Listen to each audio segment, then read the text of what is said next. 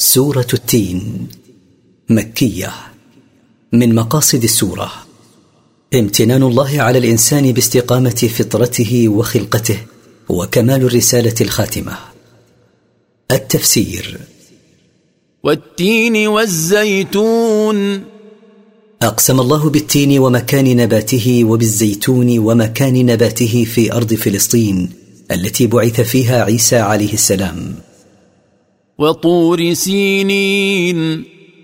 وأقسم بجبل سيناء الذي ناجى عنده نبيه موسى عليه السلام.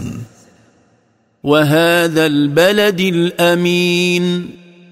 وأقسم بمكة البلد الحرام الذي يأمن من دخل فيه الذي بعث فيه محمد صلى الله عليه وسلم.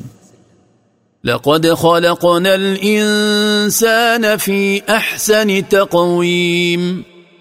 لقد أوجدنا الإنسان في أعدل خلق وأفضل صورة. ثم رددناه أسفل سافلين.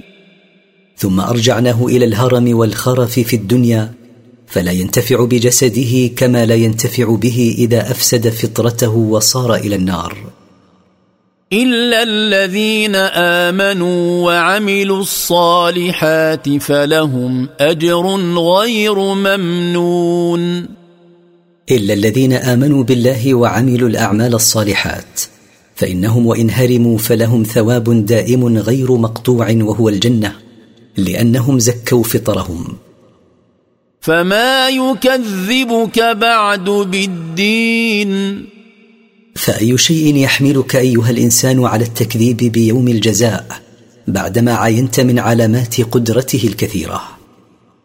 أليس الله بأحكم الحاكمين؟